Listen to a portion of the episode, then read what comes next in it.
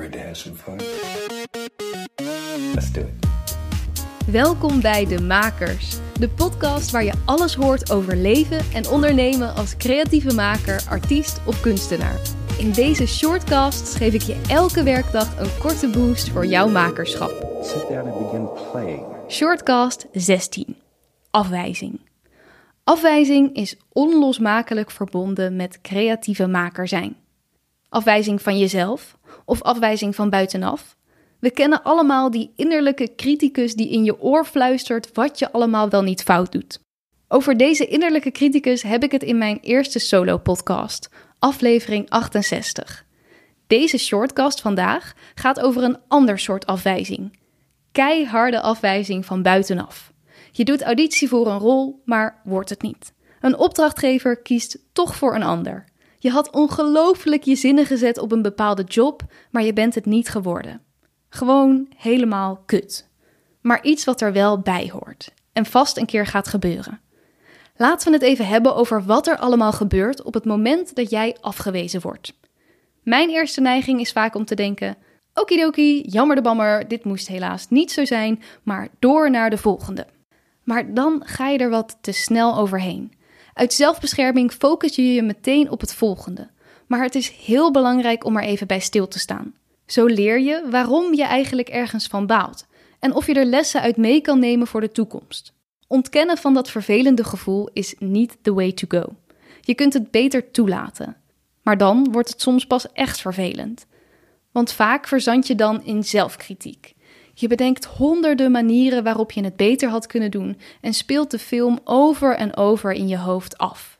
Je raakt gefrustreerd, misschien zelfs jaloers op anderen bij wie het wel altijd voor de wind lijkt te gaan. Het kan zelfs zijn dat je in een slachtofferrol blijft hangen en jezelf blijft martelen met hoe het allemaal anders had gemoeten. Ik zei op het begin dat ik het niet zou hebben over die innerlijke criticus, maar die komt uiteraard bij een afwijzing van buitenaf ook de kop opsteken.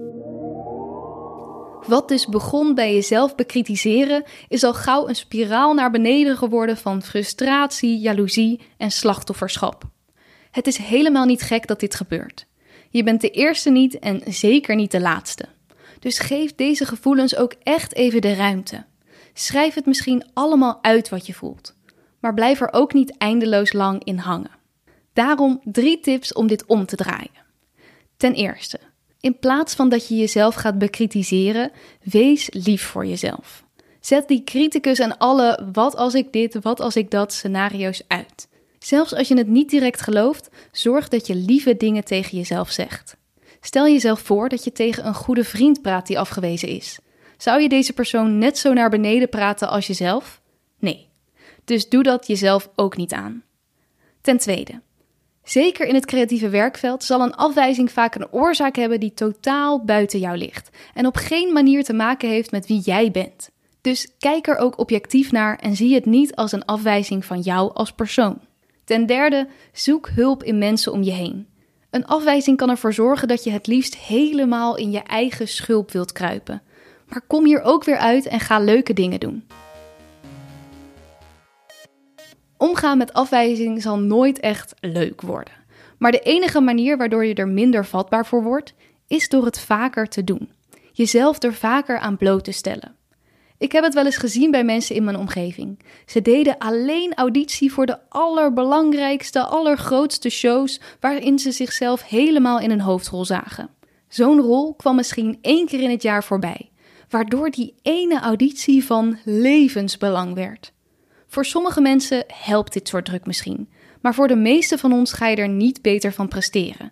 Dus zorg dat je jezelf, hoe klein of groot ook, iets vaker blootstelt aan mogelijkheid tot afwijzing.